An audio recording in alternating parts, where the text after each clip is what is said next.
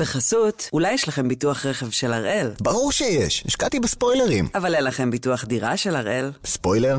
אני הולך לעשות ביטוח דירה. כפוף לתנאי החיתום של החברה ולתנאי הפוליסה וסייגיה. היום יום שלישי, חמישה בדצמבר, ואנחנו אחד ביום, מבית N12.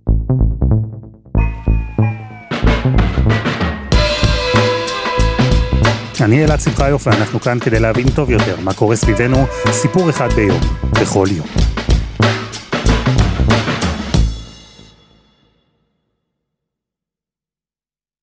אתה מת מפחד, אין לך הרבה לאן לברוח. אתה צריך לעבור מהר, אבל כל דבר על הארץ, אם זה בור ביוב, אם זה כבלים שמעליך, אם הם צועקים פתאום אה, בלון גז גדול, ופתאום מבית, ממש מעבר השני של הכביש, ואני מדבר איתך על 30 מטר מאיתנו, בום, חצי קומה עפה באוויר. אולי תתפלאו, אני יודע שזה לא תמיד נראה ככה, אבל איתי אנגל מכיר את המונח פחד. הוא אפילו הרגיש אותו, את הפחד, כשהיה בעזה. יחד עם סיירת חטיבת הנגב, הוא בילה איתם יום ולילה ועוד יום בפעולה מסוכנת ומסובכת בבית חנון. הסרט שהוא יצר שודר בתוכנית עובדה. והוא מעניק לנו הצצה נדירה למה קורה שם, לאיך באמת נראית ואיך באמת מרגישה המלחמה. אז ביום ה-60 למלחמת אוקטובר 23, אנחנו עם איתי אנגל.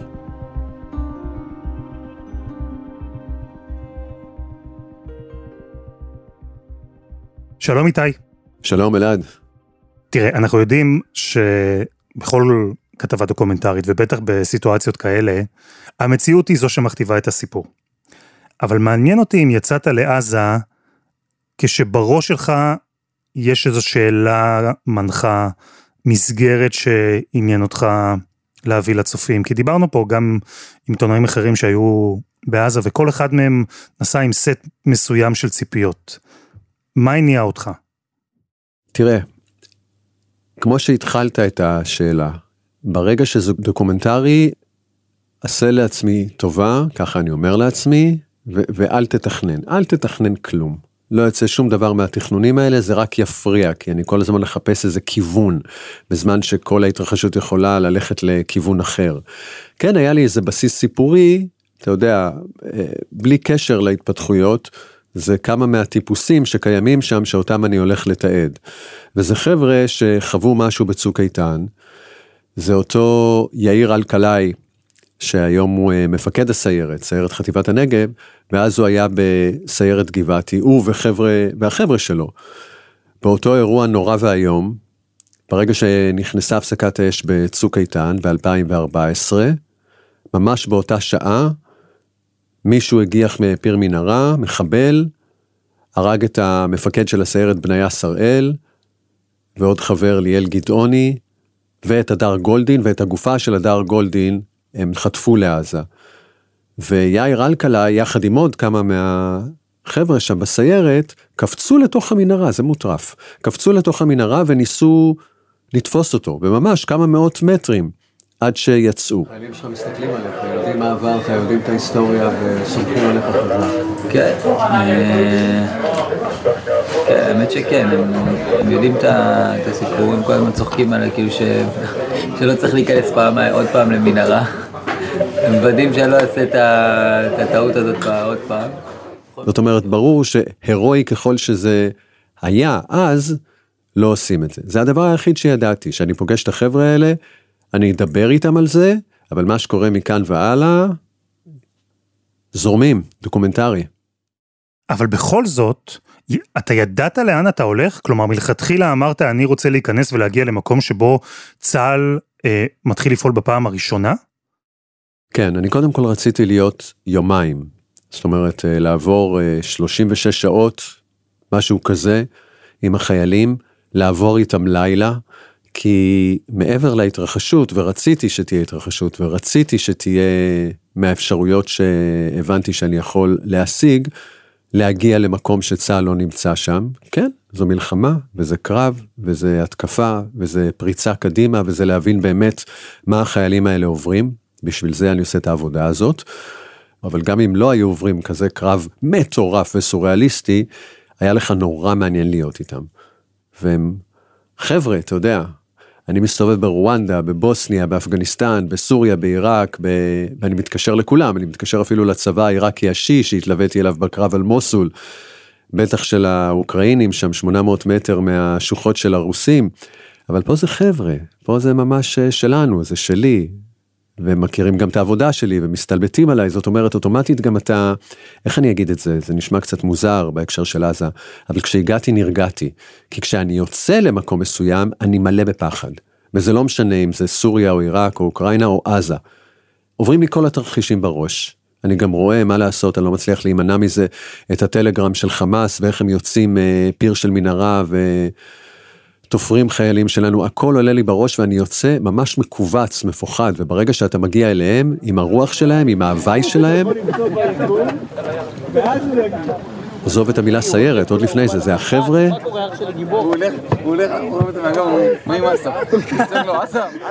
כאילו אתה, אתה לא יכול לפחד, אתה לא מצליח לפחד, אתה לא מצליח לשמר את הפחד, הכל נקטע בבת אחת. ובכל זאת, הנושא הזה של פחד עלה, גם בסרט ובשיחות שלך איתם. כן, בטח. כי הוא קיים. תראה, מה זה קיים? זה, אתה רק מגיע לשם, אתה יודע, קיבלנו המון תגובות מטבע הדברים לסרט הזה, ולא מעט דיברו על כך שהצילומים שלנו הזכירו להם לטוב ולרע את הסרט של אה, סטנלי קובריק, Full Metal Jacket, ששם חיילים אמריקאים מתנהלים באותה תפאורה מחרידה של אה, עיר בחורבות, ששם בסרט זה וייטנאם ואצלנו זה עזה, והחורבות האלה משתרעות על שטח עצום סביבך. אז אתה לא יכול שלא לחשוב מה המחבל צריך, בסך הכל צוהר של איזה חצי מטר, כמה שניות פנויות, והוא יורה עליך. עכשיו אלעד, אתה לא רוצה להיות במקום שמזכיר סרט הוליוודי, בטח שלא מהז'אנר הזה. בטח לא של קובריק. כן.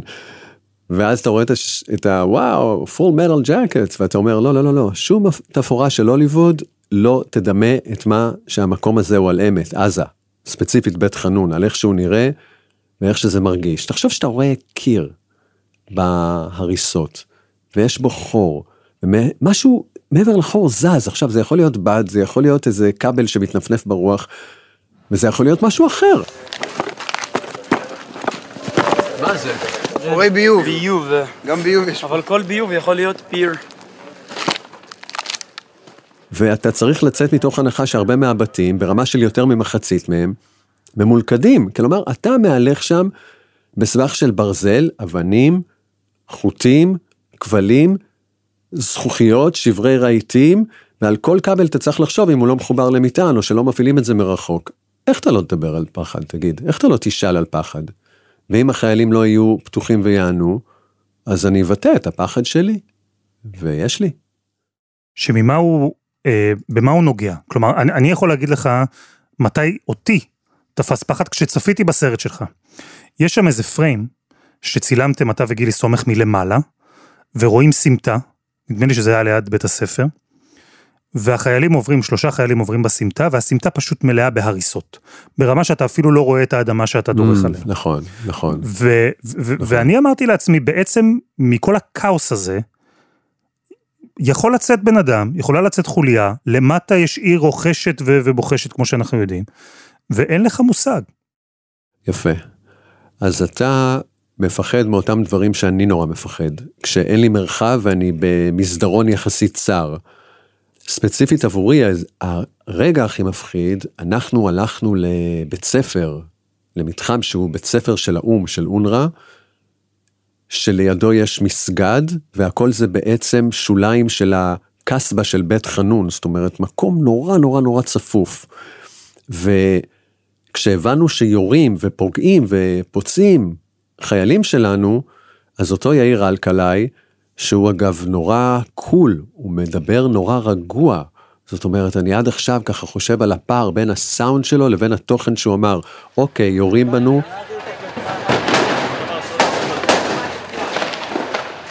יש אה, פצועים בכוח של הפלוגה המקבילה. כנראה הירי בוצע מכיוון המסגד, אנחנו יוצאים עכשיו לכבוש את המסגד. אוקיי, אתה, מה אתה עושה עם הנתון הזה? עכשיו, מה שטוב במרכאות בזמן של מלחמה ושאתה מצלם ושאתה כל הזמן עסוק עם המצלמה, יש לך משהו להחזיק, יש לך משהו לכוון, יש לך משהו להתעסק איתו. גם אני וגם גילי, סומך, שנינו עם מצלמות, אז אתה לא מהרהר. כי אם אני אהרהר, כמו שאני עושה כשאני מדבר איתך כרגע, אתה יודע, זה, אפילו כשאני רואה את החומרים בחדר עריכה, זה ככה, מי זה הדפוק הזה, שאתה מסתכל על עצמי שם. אבל שם אתה בכזה אדרנלין, אני קורא לזה ממש מוד של עבודה, וזה תמיד חוזר על עצמו בכל מקום בעולם, שאתה בתפקוד. אני חושב הרבה לפני ואני חושב עוד יותר אחרי, אבל זה ממש תפקוד. עכשיו, כדי להגיע למסגד מבית הספר, אז לא הלכנו אה, בציר שממנו יש ירי של מחבלים ופגעו בחיילים שלנו, אלא מהיציאה האחורית של בית הספר. ואז יש לך באמת, ראית, מסדרון יחסית צר כזה, וכל הזמן יש לי בראש, הם מפה, הם נמצאים פה. ואתה מת מפחד, אתה צריך לעבור די מהר את המסדרון הזה, ושוב, אם אתה מקבל ירי, אין לך הרבה לאן לברוח. אתה צריך לעבור מהר, אבל כל דבר על הארץ, אה, אם זה בור ביוב, אם זה כבלים שמעליך, אם הם צועקים פתאום אה, בלון גז גדול, או אלקלעי צועק מצלמה, מצלמה. ואתה רואה על הקומה השנייה של המסגד, התקן כזה כמו מצלמה של גו פרו, לכיוון שלנו, ומביאים כלה והוא מוריד את המצלמה ואתה קולט, אני ראיתי את הסרטים של החמאס, הם מצלמים אותנו בדיוק מצלמות כאלה, ופתאום מבית ממש מעבר השני של הכביש, ואני מדבר איתך על 30 מטר מאיתנו, בום, חצי קומה עפה באוויר. מה מתברר? אחר כך, כי לא הבנתי את זה מיד, שם הייתה חוליה גם של מחבלים שירתה לכיוון שלנו, מודיעין שלנו איתר אותה, חיל אוויר הוריד אותם, אז אתה מבין גם כמה, כמה אינטנסיבי הכל. אז בנקודה הזאת תמיד שיש איזה מסדרון צר, שאין לך את המחשבה, רגע, אני לא יכול לברוח לפה ואני לא יכול ללכת לשם, זה לחץ גדול מאוד. אז הזכרת את ההיסטוריה העיתונאית שלך בכל מה שקשור לסיכום מלחמות. ביוגוסלביה ואפגניסטן וסוריה ועיראק ואוקראינה. אה, כנראה שכחתי עוד איזו, עוד איזו זירת קרב אחת או שתיים. אבל מעניין אותי מה דומה ומה שונה. ודווקא השונה מעניין אותי יותר, אז אולי נתחיל בדומה. כשאתה הסתובבת שם בעזה, היו לך רגעי דז'ה וו לכל הסרטים שעשית בעבר מאזורי קרב? קודם כל, עוד לפני הקרב עצמו, אתה יודע, אם אתה חושב על המקומות האחרונים שאני בהם הייתי, וגם גילי סומך היה, הוא עבד עם אה, ארגוני תקשורת אחרים, אבל נאמר באוקראינה, עברנו את התופת של בוצ'ה, הטבח בבוצ'ה. מדהים, נהרגו שם 1,400 אנשים, כמו שאצלנו נהרגו ב-7 באוקטובר. ואמרנו כל הזמן, העיתונאים הזרים, אנחנו כמו קבוצה, האם אנחנו מכירים איזה אוקראיני שהגיע מבוצ'ה, זאת אומרת איזה אומלל כזה שמגיע מבוצ'ה, או כמה שנים קודם, הקרב המכריע נגד דאעש, שהתנהל במוסול שבעיראק, מכירים מישהו אומלל כזה ממוסול ששותף לגורל הנורא שהעיר הזאת עוברת, ועבור כל העיתונאים הזרים האלה, האומלל זה איתי. איתי החבר שלנו, הוא ישראלי, יש לי גם קרובי משפחה בעוטף עזה, זאת אומרת הכל מגיע אליך. ואני לא האמנתי, אלעד, בחיים, בחיים, אתה יודע, אתה מקבל איזה ניסיון חיים ותובנה וחוכמה כשאתה עושה עבודת שטח אה, ואתה יודע את זה. אבל אני תמיד הרגשתי במקומות האלה, אם זה סוריה, אם זה עיראק, אם זה אפגניסטן, אם זה אוקראינה, אם זה בוסניה, אם זה רואנדה, אם זה קונגו, ש... שאני נוסע עכשיו לסרט, אגב קולנוע, אתה יודע, לשלושה שבועות, מקום שהוא סיוט, אני חווה ומתעד עבור הצופים הישראלים. זוועות במימדים תנכיים, מקומות ששם שורפים בני אדם בחיים, שעושים טבח בקהילות שלמות, שעורפים ראשים, שאונסים נשים, וברור לך שאתה מדבר על דברים שבחיים לא יהיו רלוונטיים לשכונה שלי, לבית שלי. וכל מה שתיעדתי, כל הזוועות שמניתי, הכל קרה. זאת אומרת, לא היה משהו שהוא פחות, ומהבחינה הזאת זה זעזוע אדיר. ואז יש דברים, אתה יודע, מאוד, אה, איך אני אקרא לזה, צבעים שמאוד שונים. למשל, האוקראינים, הם חוסכים בכל כדור שהם יורים, או כל טיל גראד שהם יורים. זה חיילים מעולים, אבל אין להם הרבה. יש להם מנות קצובות, ואצלנו, כמו שאמר לי, בזמן הקרב עצמו, היה ראיון מאוד סוריאליסטי, אני אומר סוריאליסטי, עם המח"ט, מפקד חטיבת הנגב, אלוף משנה עבריאל בז, בתוך ה... אתה יודע, אגב יריות ופיצוצים, בקושי שומעים, בגלל זה סאונד, זה, זה פשוט סוריאליסטי לגמרי. להבין שאנחנו במלחמה.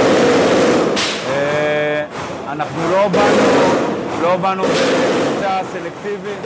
הוא אומר, האש זה המחסה שלנו.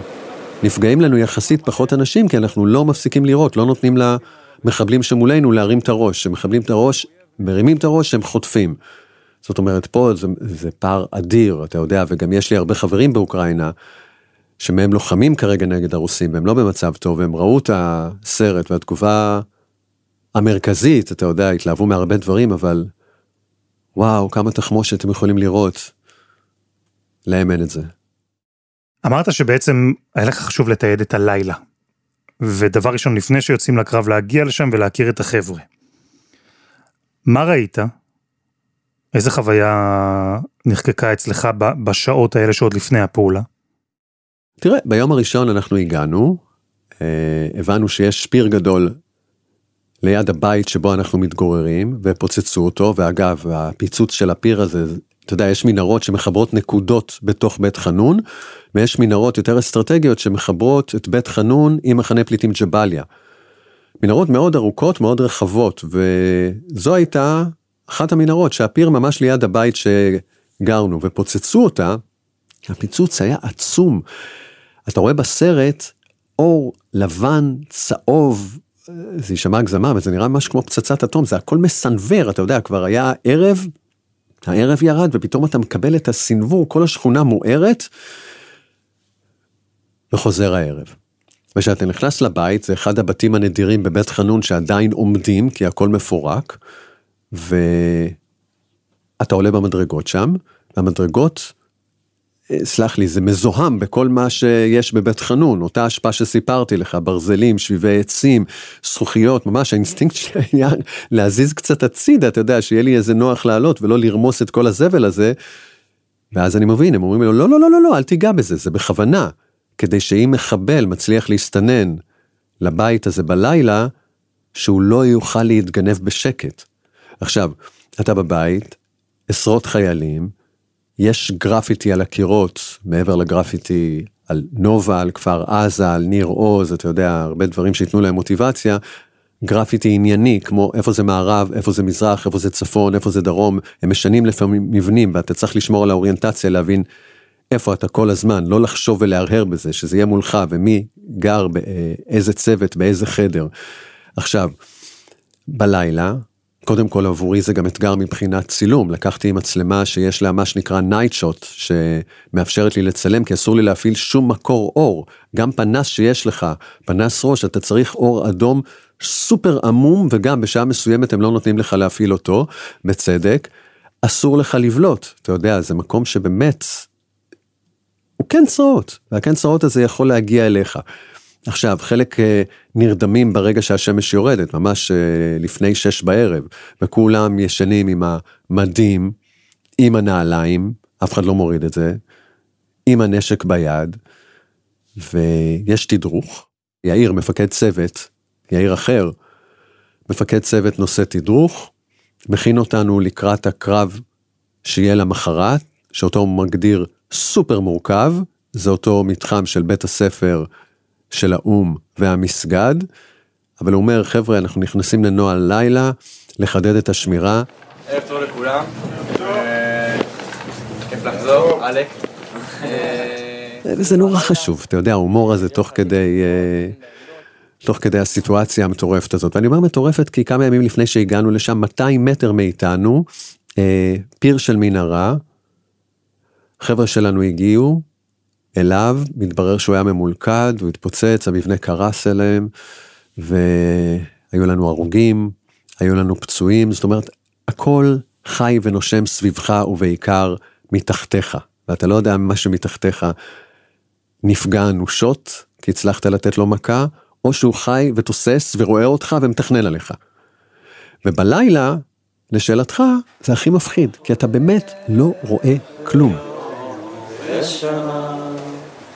יש חיילים ששרים בשקט, זה עוזר להם ככה להיכנס לאיזה מוזה אחרת.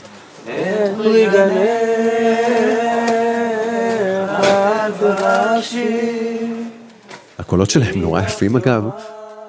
אחד מקריא לנו אה, מכתב שאשתו כתבה. צבי אהוב, מה שלומך? איך אתה? איך אתה מרגיש? ישן, אוכל ועוד המון שאלות, והלוואי והייתי יכולה לשמוע עליהם. בינתיים אני רוצה לחשוב שאתה בטוב, שהמורל גבוה, שיש לך כוחות רבים, שאתה שומר על עצמך וחושב גם עלינו. הילדים גם מרגישים טוב ושואלים בשלומך. אנחנו סומכים עליך שתעשה את העבודה החשובה הזאת, את התרומה העצומה הזאת למדינה היקרה שלנו, ושבקרוב מאוד תחזיר אלינו את אבינתן. דש לכל החבר'ה, תשמרו על עצמכם, אוהבים המון, חיבוקים, יובלי, עמית ואביה. אבינתן אור, אחד החטופים, החבר של אה, נועה ארגמני, שהוא חבר טוב שלו והוא חטוף. זה גם משהו מעניין, אתה יודע? זה הזמן היחיד שיש לך שיחות רגועות עם חיילים בלילה הזה. ולכל חייל יש איזה חלום. חלום שמתוך ההריסות אבי נתן קורא לי. או נועה פתאום צועקת. או היא נבהלת כי היא לא יודעת מי זה, ואז היא מבינה שזה צה"ל, ואז היא אומרת אני פה. ואתה רואה שממש לזה הם יוצאים. הם צריכים, יש להם הגדרה מאוד ברורה, הם צריכים להשמיד את הכוח הצבאי של חמאס בבית חנון. שלא יהיה דבר כזה בית חנון. והם כבר הצליחו, אה, משהו כמו 90% מהמנהרות, זאת הערכה, זאת אומרת מצאו אה, כמאה פירים, 100 פירים, זאת אומרת זה הרבה יותר מבחינת מנהרות ורשת מנהרות מתחת, אבל כל אחד חושב, וכל אחד מכיר מישהו, או שנהרג, נרצח, אישה שנאנסה, וחטופים, והם חושבים על זה בלילה. ואני מנסה גם uh, לישון בין היתר בלילה, כי אני מבין מה הולך לקרות למחרת. ואתה איכשהו מצליח להירדם, לא חשבתי שאני אצליח להירדם, זה כל הזמן ירי, כל הזמן פיצוצים, הבניין מדי פעם רועד, אבל שוב, ההומור שלהם עוזר. אתה מבין גם עד כמה הם מכירים אחד את השני, לפעמים יותר מעשר שנים. אחד שנרדם לידי, אז חייל אומר לי, הוא עכשיו נרדם, נכון? חכה חכה, תוך 40 דקות הוא מתחיל לנחור, זה יותר מכל הפיצוצים שאתה שומע, וזה בדיוק מה שקורה 40 דקות לאחר מכן. זאת אומרת, העניין הזה של החבר'ה, זה כמה כולם ביחד, וכמה כולם יתאבדו אחד על השני, אם יהיה צורך. איכשהו אתה באווירה הזאת, אז אתה לא יכול להיות בסרט הרע שאיתו יצאת לעזה, אתה, אתה, אתה בחבר'ה. ואז אתה גם מצליח אה, לישון כמה שעות, בליווי אש בחוץ, ואז מגיע הבוקר, האווירה טובה. אז רגע, אז, אז, אז לפני הבוקר. כי אתה מתאר פה בעצם את הרגע שבו עוד אפשר לדבר, ועוד אפשר לשמוע. ואתה מדבר על החבר'ה. כן. והסיירת הזו איבדה שלושה מחבריה ב-2014, הם היו בעזה. אה, וכמו שאומרים לך, אחד מאיתנו נשאר. וזו הגופה של הדר גולדין. כן. הם אומרים, השארנו פה מישהו. זאת אומרת, זה איזושהי כזה רמז לאיזה תחושת אשמה שאני צריך לטפל במשהו שלא עשיתי טוב לפני תשע שנים. אז, אז, אז זו בדיוק השאלה. עד כמה 2014 זה משהו שהחיילים האלה של 2023 סוחבים איתם לשדה הקרב בעזה? סוחבים? בטח. תראה, איבדו חבר, זה כבר משהו שלא יצא מהראש. דבר נוסף, זה איך אתה מתמודד עם זה שאיבדת שלושה חברים, ושגם חלק מאיתנו עשו איזה ספרינט מטורף לפני תשע שנים בתוך מנהרה בניסיון לתפוס ולהשיג אותו. זה חתיכת טראומה, אבל הם סיירת. ואחד מהם, בחור ששמו רון, שהוא גם שחקן בהבימה, עוד משהו סוריאליסטי, אתה יודע בדיוק, אמורה הייתה להיות פרמיירה לסדרה שהוא משחק בה בפסטיבל קולנוע שדרות, אנחנו יודעים מה קרה לשדרות. והוא אומר שזה היה נורא קשה, כי הייתה הבנה, אתה מסיירת, אתה לא בוכה. ואתה לא נכנס לדיכאון, תמשיך להיות חזק. אם יש משהו שהוא מבחינתי, מבחינת הצוות, היה סגירת מעגל, זה דווקא לדבר את זה. זאת אומרת, אה, אז הייתה לנו חוויה מאוד קשה, אה, שבו במקום כשהמ"פ הודיע שאליאל נהרג, הפקודה הייתה שאסור לבכות, וממש בצעקות, לוחמים בסיירת לא בוכים. אה, אותי אישית זה ליווה שנים אחרי זה, כאילו המצ'ואיזם, ה over מצ'ואיזם המזויף הזה שיש בצבא, זאת אומרת שאסור להראות רגשות. לי, לנו לפחות, זה גרם, אני חושב, לא לדבר את הדברים, לא לדבר עליהם, ודווקא עכשיו כן אפשר לדבר דיבור שהוא רגשי, זה בסדר גמור. גם להגיד אני מפחד, או אני חלש, או חוויתי, או היה לי, או, או כל הדברים האלה. וזה גמר אותו, והוא מספר שזה גמר הרבה סביבו, זאת אומרת זה עיכב אותו, עיכב את ההתמודדות שלו. הם תמיד הסתובבו עם משקפי שמש כדי שאף אחד לא יראה לוחם סיירת, אתה יודע, עם דמעות או עם עיניים אדומות.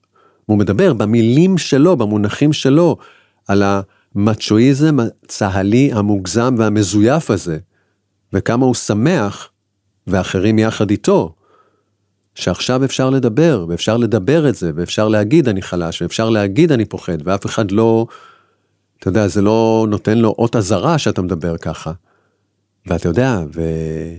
והם סיירת, והם האנשים הכי חזקים, כי האנשים הכי חזקים זה אלה שבאמת מדברים על הדברים. אגב, פחד. ועולה הבוקר, אחרי שישנת כמה? אני יודע, שינה אמיתית, איזה שלוש-ארבע שעות. אה, אוקיי. בסדר, בסדר. לא רע. כן. ואיך נראה הבוקר שלפני הפעולה? עזה מתעוררת, אתה יודע, זה כאלה שמיים אה, סגולים, סליחה שאני נשמע פואטי, המון המון סאונד של ירי. יש קפה שחור של בוקר, הם מסתלבטים עליי, איפה הקפה יותר טוב, בסוריה או בעזה? ונכנסים לעניינים. אתה יודע, יש לוחות זמנים, יורדים במדרגות המרעישות שסיפרתי לך, מישהו נושא את uh, תפילת הדרך. שמע כל תחנוננו, כי אל שומע תפילה ותחנון אתה, ברוך אתה אדוני שומע תפילה. ויוצאים לדרך. עכשיו, אתה יוצא לדרך לתפאורה הזו של ה-full metal jackets שדיברנו עליה. עכשיו, אתה לא נכנס לשום כלי רכב, זה רק הליכה רגלית. הליכה רגלית של אה, משהו כמו 600-700 מטר, משהו כזה, ו... אתה מאות מטרים הולך במקום שאנחנו טיהרנו. גם, זה טיהרנו בערבון מוגבל, כי יש מתחתיך איזה עולם מנהרות שקיים. ואז מגיע הרגע הבאמת, אה, אתה יודע, של האקשן, של כל האדרנלין שעולה לך, שאתה נכנס למתחם שעוד אף חייל צה"ל לא נכנס אליו. זה מתחם כזה של בית ספר, צבעי כחול לבן, אה, יש מתחם חול בדרך אליו, אנחנו מסתתרים מאחורי אה, חומה, עכשיו זה מתחם שהתברר כמסוכן, כי העיניים של המחבלים, וזה נבין אחר כך, היו עליו מהריסות של המבנים הסמוכים, שם גם ייהרג אחד החיילים שלנו באותן שעות, שם יהיו לנו פצועים, שם אגב ייהרג לוחם נוסף מהחטיבה ביום של המחרת.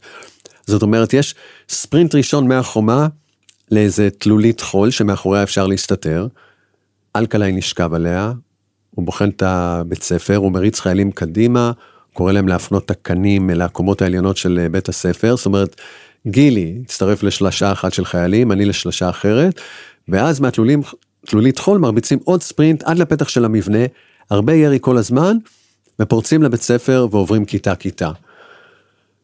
אתה יודע, בהתחלה אתה נכנס לכיתה, אתה רואה מחברות לימוד, ספרי לימוד, אה, לוח, בחוץ אה, מתנוסס דגל האו"ם, ותהיה לזה משמעות מאוד מאוד uh, מעניינת בהמשך, אבל די מהר אתה מבין למה בית הספר הזה משמש עוד. זאת אומרת, אנחנו מוצאים מה שנקרא חדר שהייה. מה זה חדר שהייה?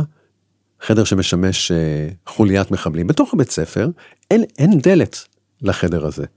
זאת אומרת, הם גילו את זה, היה איזה ארון שהוצב במקום שמסתיר פרצה בקיר שמאפשרת לך להיכנס לחדר. יש שם מזרונים, שם היה אקדח, יש טלפון קווי, יש שם מפות, יש מד זווית צה"לי, אתה יודע שאיתו אתה מחשב אה, זווית נכונה של שיגורים, הייתה שם חוברת סופר מפורטת לשנת 2022, אה, לכל רקטה וכל פגז, איך אתה צריך לכוון אותה, מה הזווית, אם אתה רוצה לפגוע באשקלון, הנה, זה מה שאתה צריך לעשות. אתה רוצה להכות בתל אביב, בבקשה, סופר מפורט, והכי מלחיץ זה שיש דלתות סגורות או דלתות נעולות, ואז אתה מבין שלא פורצים אותם. כי חלק מהדלתות, וזה יוכיח את עצמו בהמשך היום, ממולכדות, זאת אומרת, אתה תפתח, בום, משהו יתפוצץ עליך, וזה יכול להיות פיצוץ גדול. אבל אני מפסיק את התיאור של הבית ספר, כי אנחנו חוטפים אש, וחוטפים נ"ט במתחם הזה שהוביל אותנו לבית ספר. חטפנו נ"ט, יש נפגעים, מהמסגד, ושם היה הקרב ההוא במסגד. ואתה מבין שזה מסביבך. וכמו שאמר יאיר אלקלעי, המפקד של הסרט, הוא לוחם, נונסטופ, נונסטופ לוחם, והוא לא ראה מחבל אחד בעיניים שלו, אתה מבין? זה משהו שהוא רואה אותך, אבל אינו נראה, ואתה לא יודע מה יש למטה. הם תולשים שם קווי תקשורת במסדרונות של הבתי ספר. אתה רואה שמהחלון בבית ספר זה יוצא עד המסגד, קומה שנייה של המסגד, ושם הכבל תקשורת יורד למטה. אתה לא צריך הרבה דמיון כדי להבין שגם הוא ירד כנראה לאיזה פיר, יספק את התקשורת למי שנמצאים במנהרה, ואז יש מנהרה שם. למה שלא תהיה מנהרה? ואתה בקסבה, הכל סופר צפוף ואתה מבין שמשם יורים עליך. אלה רגעים של קרב.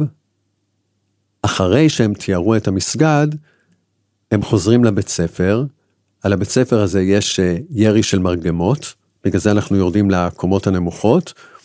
ואז בשיא הקרב, כבר השמש יורדת, מגיע המח"ט, אלוף משנה עברי אלבז. ותקשיב, הוא, הוא מגיע באמצע הקרב שמתחולל סביבנו, וזו הזדמנות לדבר איתו, אז אני מנסה לדבר איתו, ואני אומר, אני מנסה לדבר איתו, כי אין לך עשר שניות רצופות בלי שיש איזה ירי ופיצוצים, והוא קיבל משימה, למחוק את בית חנון.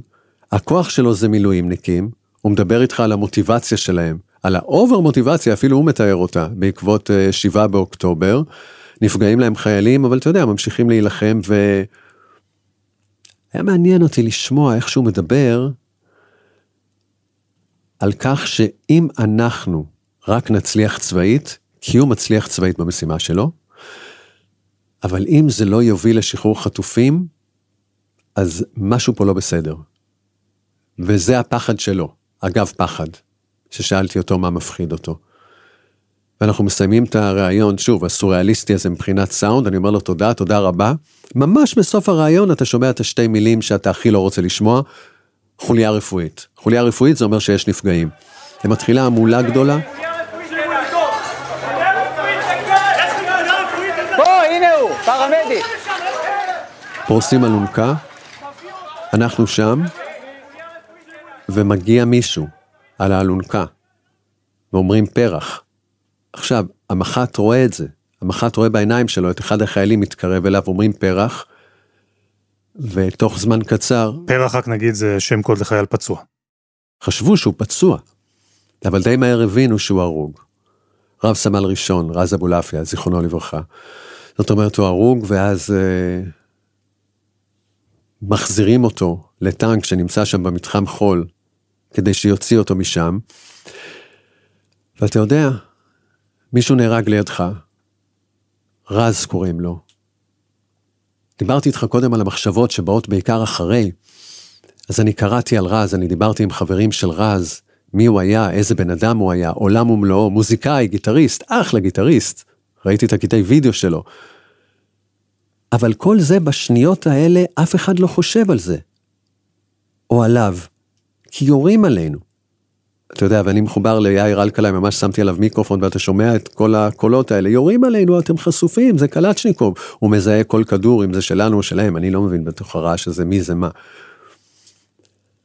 וחוזרים, והשמש יורדת, ואתה צריך לטהר את הבית ספר. ואז, בגלל שאתה לא יכול לפתוח את הדלת, אתה לא יכול לפרוץ את הדלת, כי יכול להיות שהיא מחוברת לאיזה מטען, הדרך להיכנס זה דרך הקיר. ויש בחור מקסים ששמו אבנה, שהוא גם כן סיפור בלתי רגיל, בחור שחור מסן פרנסיסקו, אבא שחור, נוצרי, אימא ישראלית יהודייה. הוא החליט במקום להמשיך לקולג' שם שהוא היה בי"ב בסן פרנסיסקו לעלות לארץ, להתגייס, הגיע לסיירת, חזק בצורה בלתי רגילה, תופס איזה פטיש ענק, מתחיל לפרוץ את הקיר.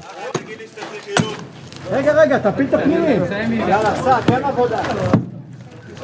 עכשיו, שהחור מתרחב וזה הופך לפתח רחב יחסית, אתה מאיר פנימה והופה, אתה רואה וסט, אתה רואה קלאץ', ואז אתה רואה הרבה קלאצ'ים, אתה רואה רימון, פתאום 15 רימונים, צה"ליים, אתה רואה מקלע, אתה רואה אמצעי חבלה.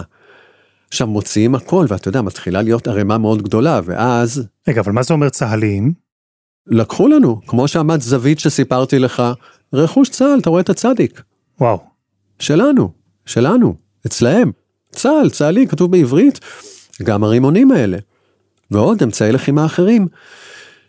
וחתיכת ערימה ענקית, ואתה קולט את כל זה ביממה של אה, קרב, אבל אני חייב להגיד לך מה לי עשה צמרמורת, אתה מבין שזה לא רק uh, מקום שמרכז אמצעי לחימה, שוב, בית ספר של אונר"א, של האו"ם, עצם זה שהוא או"ם, אתה יודע, האותיות UN כתובות על הגג של הבית ספר, שזה בעצם, uh, ברגע שיש לך UN אתה לא יכול להפציץ את זה, לא מהאוויר ולא בארטילריה. וזה מעין תעודת טוהר למבנה, עלק, סלח לי, כי אתה רואה מה מגלים שם, אבל עוד יותר מהאמצעי לחימה,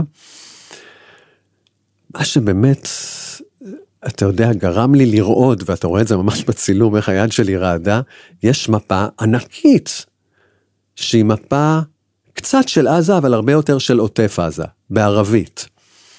ואתה רואה שם נקודות ציון של איפה צה"ל יושב ואיזה אמצעים יש לו.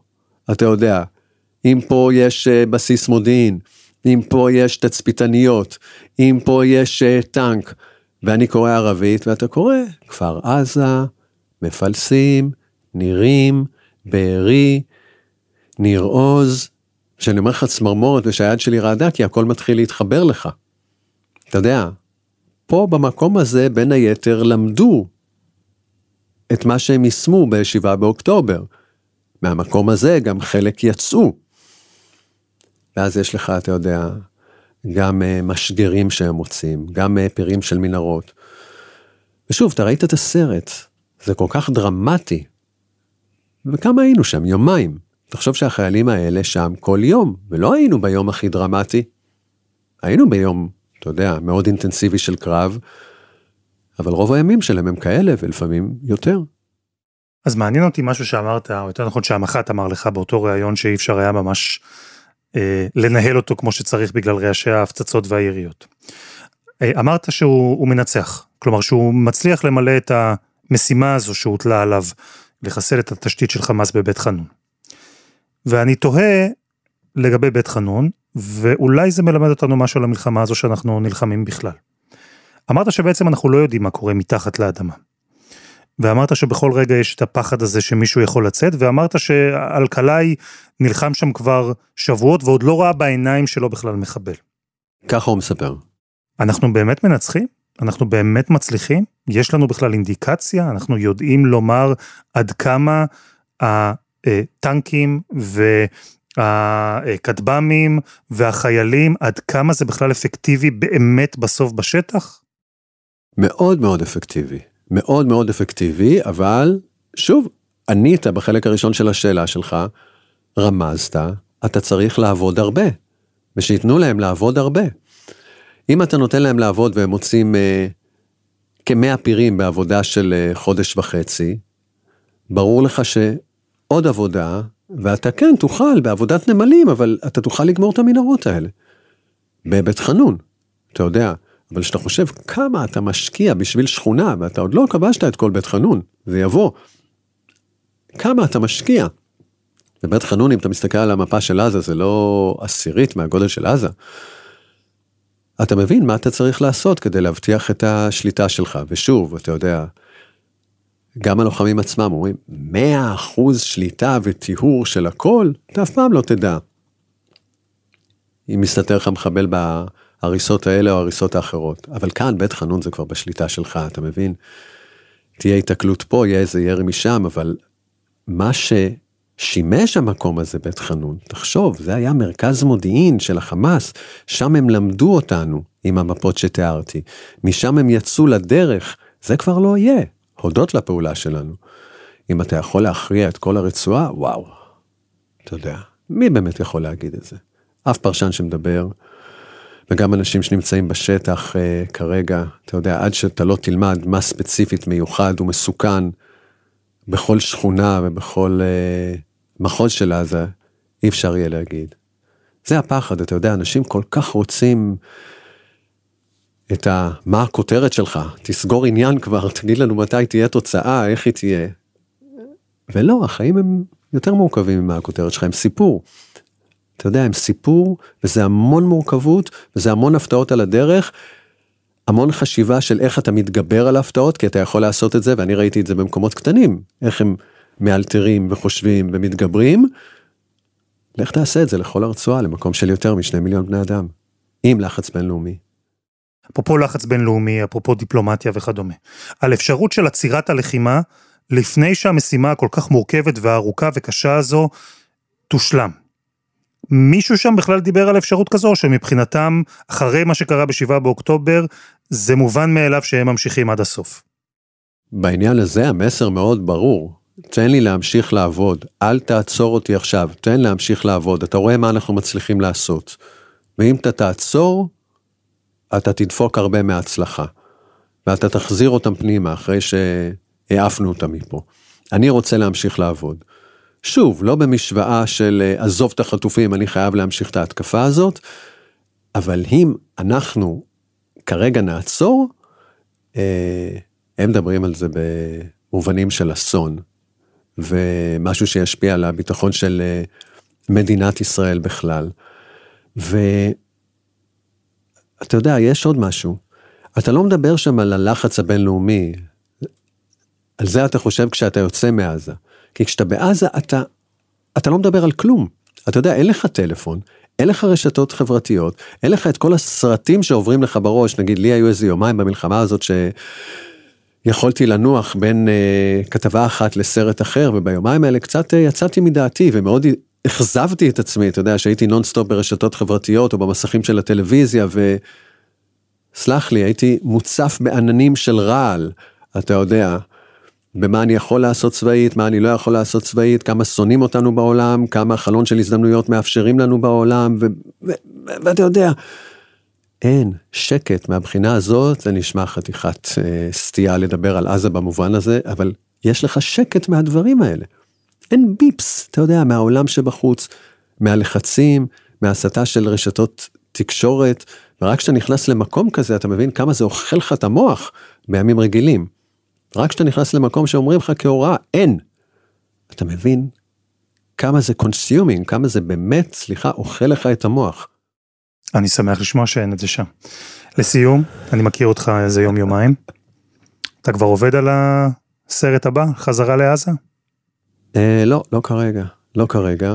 אה, אתה יודע, ממשיכים לעבוד כמו תמיד, זורמים, מסתכלים מה קורה ומגיבים. אבל מבחינתך, מתישהו זה יקרה? יכול להיות. יש אפשרות כזו שאתה תחזור? יכול להיות. יכול להיות.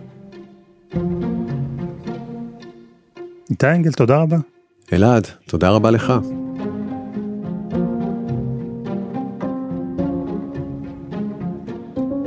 וזה היה אחד ביום, של N12. אנחנו מחכים לכם בקבוצה שלנו בפייסבוק, חפשו אחד ביום, הפודקאסט היומי. העורך שלנו הוא רום אטיק, תחקיר והפקה, שירה הראל, עדי חצרוני, רוני ארני ודני נודלמן. על הסאונד יאיר בשן, שגם יצר את מוזיקת הפתיחה שלנו. אני אלעד שמחיוף, אנחנו נהיה כאן גם מחר.